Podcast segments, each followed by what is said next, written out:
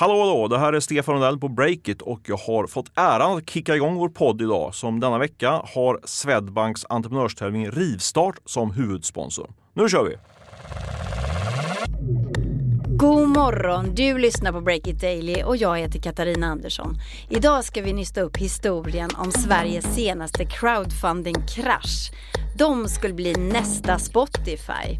Men nu riskerar hundratals svenskar att förlora sina pengar.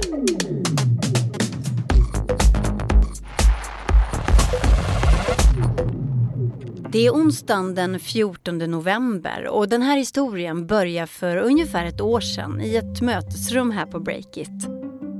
Erik Wisterberg. Ja, det kom in en eh, kille här som heter Rufus Lidman. Han kom in i en jäkligt snygg skinnjacka, gelékammat hår i en trendig frilla och han spände blicken i mig eh, på ett sätt som jag är ganska ovan vid. Du skulle och, intervjua honom? Ja, precis. Han var här för att berätta om sin startup som hade fått in pengar och hade en digital skalbar utbildningsapp mm. som idé helt enkelt. Och ganska snart när vi satte oss ner i sofforna här ute så började det liksom spruta stora visioner ur hans mun. Han skulle liksom knocka Google och det skulle bli ett unicornbolag redan i första halvlek. Och eh, jag minns att jag skrev den där texten sen eh, med rubriken Är det här Sveriges kaxigaste startup?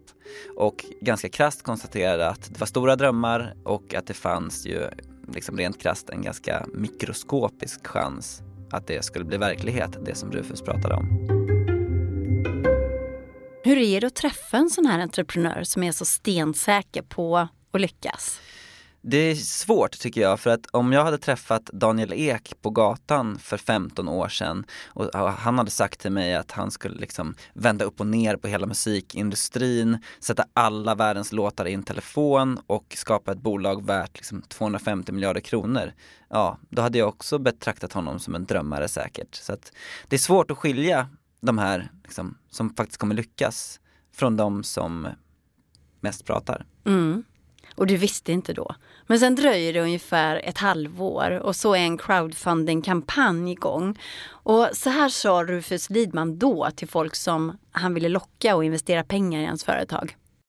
Eh, och vi, vi är inte sådana här som står idealister och står och skriker på, på gatorna och, och skriker att nu ska vi bara gör, göra gott och, och, eh, och sen så, hinner, så lyckas vi inte göra så himla mycket gott. Vi ska bygga Sveriges nästa unicorn. Eh, och jämförelsen med Spotify är relevant för att eh, det är de höjderna det handlar om.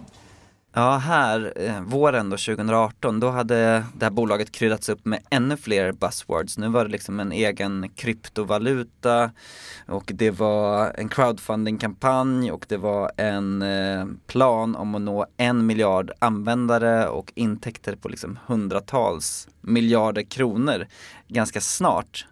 Men det investerarna som lyssnade på det här inte visste, det var att det här bolagsbygget redan hade börjat krackelera. Det där är en snygg cliffhanger, Erik. Häng kvar lite. Vi ska strax gå vidare i den här historien. Men först så vill vi bara säga att för att kunna göra den här podden så behöver vi sponsorer. Eller hur, Stefan och Olle? Två av entreprenörerna bakom Breakit. Så är det verkligen och just därför är vi mycket stolta över att Swedbank eh, sponsrar oss och den här podden. Just nu ordnar Swedbank entreprenörstävlingen Rivstart där första priset är inte mindre än en halv miljon kronor och ett skräddarsytt affärsutvecklingsprogram för att kunna ta sin affärsidé till nästa nivå. Ja, och en viktig del i att kunna ta företaget till nästa nivå, det handlar ju också om att rent krasst orka med så är det verkligen. En dag som denna så kan man ju känna sig lite trött faktiskt som entreprenör. Men oftast är vi pigga. Det har varit mycket roligare än, äh, än jag kunde drömma om att bli entreprenör. Håller du med Molle? Mm, men jag håller med om det. Eh, du, om du ska välja ut en grej då, vad tycker du är det roligaste med att vara egenföretagare, entreprenör? Jag skulle säga att, att påverka mig och, mig och faktiskt man säga, andras vardag, eller om jag ska vara lite mer krass, att bestämma. Det är kul att bestämma tycker jag. Och eh, ja, det står jag för. Ja, för mig handlar det nog mer om att bygga en bra arbetsplats där människor kan eh, växa. Det får jag kickar av. Skönt att du är den goda delen i det här entreprenörskapet och är den lite mer krassa. Men eh, oavsett vad du har för intentioner när du drar igång ditt bolag så tycker jag du ska anmäla din affärsidé till Swedbanks entreprenörstävling Rivstart på swedbank.se rivstart. Alltså swedbank.se rivstart. Tack Swedbank för att ni sponsrar vår podd.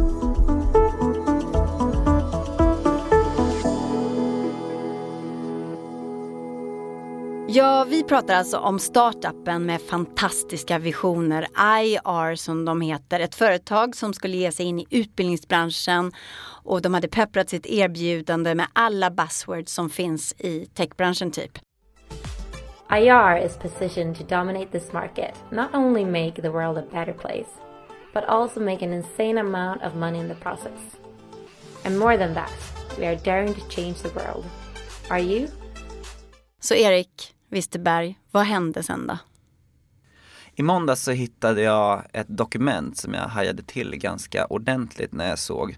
Det var en tidigare anställd på det här bolaget som begärde det i konkurs. En anställd? Är det Ja. vanligt? Nej det är eh, ganska ovanligt skulle jag säga. Det är ju nästan som att jag hade slutat här på Breakit och sen begärt Breakit i konkurs. Och det handlar ju om att jag inte har fått mina pengar då, helt enkelt. Vad tänker du då, då? Att det är någonting riktigt blodigt och tåraktigt som ligger bakom? Möjligen, det vet man ju inte men det ska gå ga- ganska långt för att man ska välja att liksom begära sin tidigare arbetsgivare konkurs. Och det stannade vi inte vid en konkursansökan utan snart hittade jag en till och en till och en till och till slut så var det fem konkursansökningar från anställda på det här bolaget då, som uppenbarligen ville sätta bolaget i konkurs. Oj, då tänkte jag att då gick du igång på alla, alla cylindrar tänker jag. Så fick du tag på Rufus Lidman också då?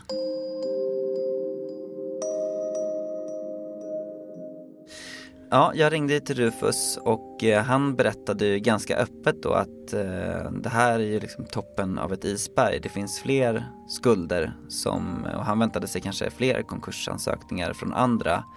Och han berättade också hur han själv har satsat flera miljoner av sitt sparkapital. Pengar som han sa att han annars skulle spara åt sina barn för att hålla det här bolaget flytande Mm.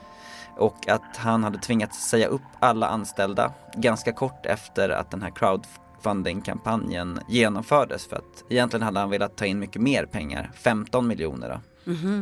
Men hur ser han idag på de här stora visionerna som han hade då för bara ett år sedan? Mm, den här jämförelsen med Spotify till exempel. Han sa att han inte backar en sekund från det utan han tror fortfarande på det. Det här bolaget är ju finansierat genom crowdfunding, alltså helt vanliga människor, småsparare som satsar sina pengar, hoppas på att bli rikare och göra ett klipp. Eh, så var det i det här fallet, Erik. Ja, det är 300 personer som har finansierat det här bolaget. De har satsat totalt över 4 miljoner kronor som har gått via Funded by Me då. Och det stannar inte där. Funded by Me har heller inte fått betalt visade sig när jag ringde upp deras VD Daniel Dabuchy. vi har inte fått eh, betalt för våra eh, tjänster alls och eh, det har varit ett oerhört knepigt bolag att hantera. Vi, de har ju mer eller mindre varit omöjliga att prata med eller, eller få svar ifrån. Idén bakom de här plattformarna det är ju att liksom öppna upp så att vem som helst ska kunna liksom tidigt investera i nästa Spotify då. Det är någonting som annars kanske bara professionella investerare kan göra.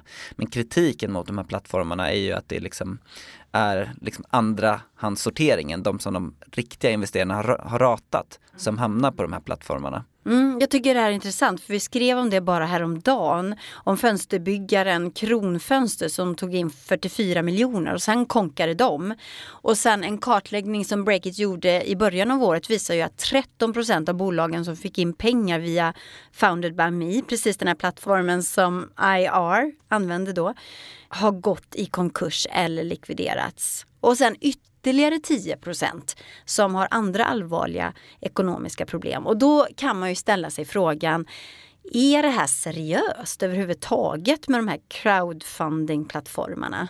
Mm, det ställs ju lite på sin spets i det här fallet tycker jag och det är därför det är intressant förutom det här liksom dramat som vi har berättat om nu. Men den stora frågan är ju hur reagerar de här plattformarna om det kommer ett bolag som försöker locka till sig småsparare med mål som liksom helt ärligt verkar helt orealistiska. Eh, jag pratade med Daniel Dabuchy som är grundare till Funded by Me eh, och han sa ju att de ofta faktiskt tackar nej till den typen av pitcher.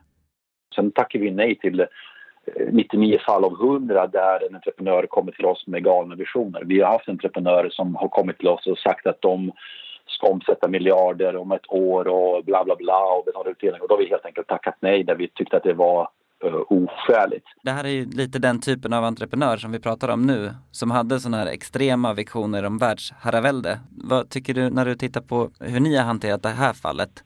Eh, är du nöjd med det? Jag tror inte vi har begått något, eh, något eh, formellt fel utifrån våra, våra processer eh, när det gäller granska och presentera det här bolaget. Men jag, jag skulle hävda att det finns en viss investerargrupp som söker de här enorma visionärerna. De här som säger att jag ska bygga den största grejen någonsin. För mig personligen, min investerarfilosofi ligger någonstans i mitten. Jag skulle aldrig investera personligen mina privata pengar i någon som är för försiktig men jag skulle också vara försiktig med någon som lovar guld och gröna skogar eller som verkar göra det. Break It Daily hör du tisdag till fredag. Det är runt sju späckade minuter varje gång om det nya näringslivet. Och just nu så kör vi en novemberspurt. För att kunna fortsätta köra den här podden efter jul så vill vi peta upp lyssnarsiffrorna lite grann. Så se till alla som du känner och prenumerera på podden. Vi kommer inte att starta en crowdfunding-kampanj, inte just nu i alla fall.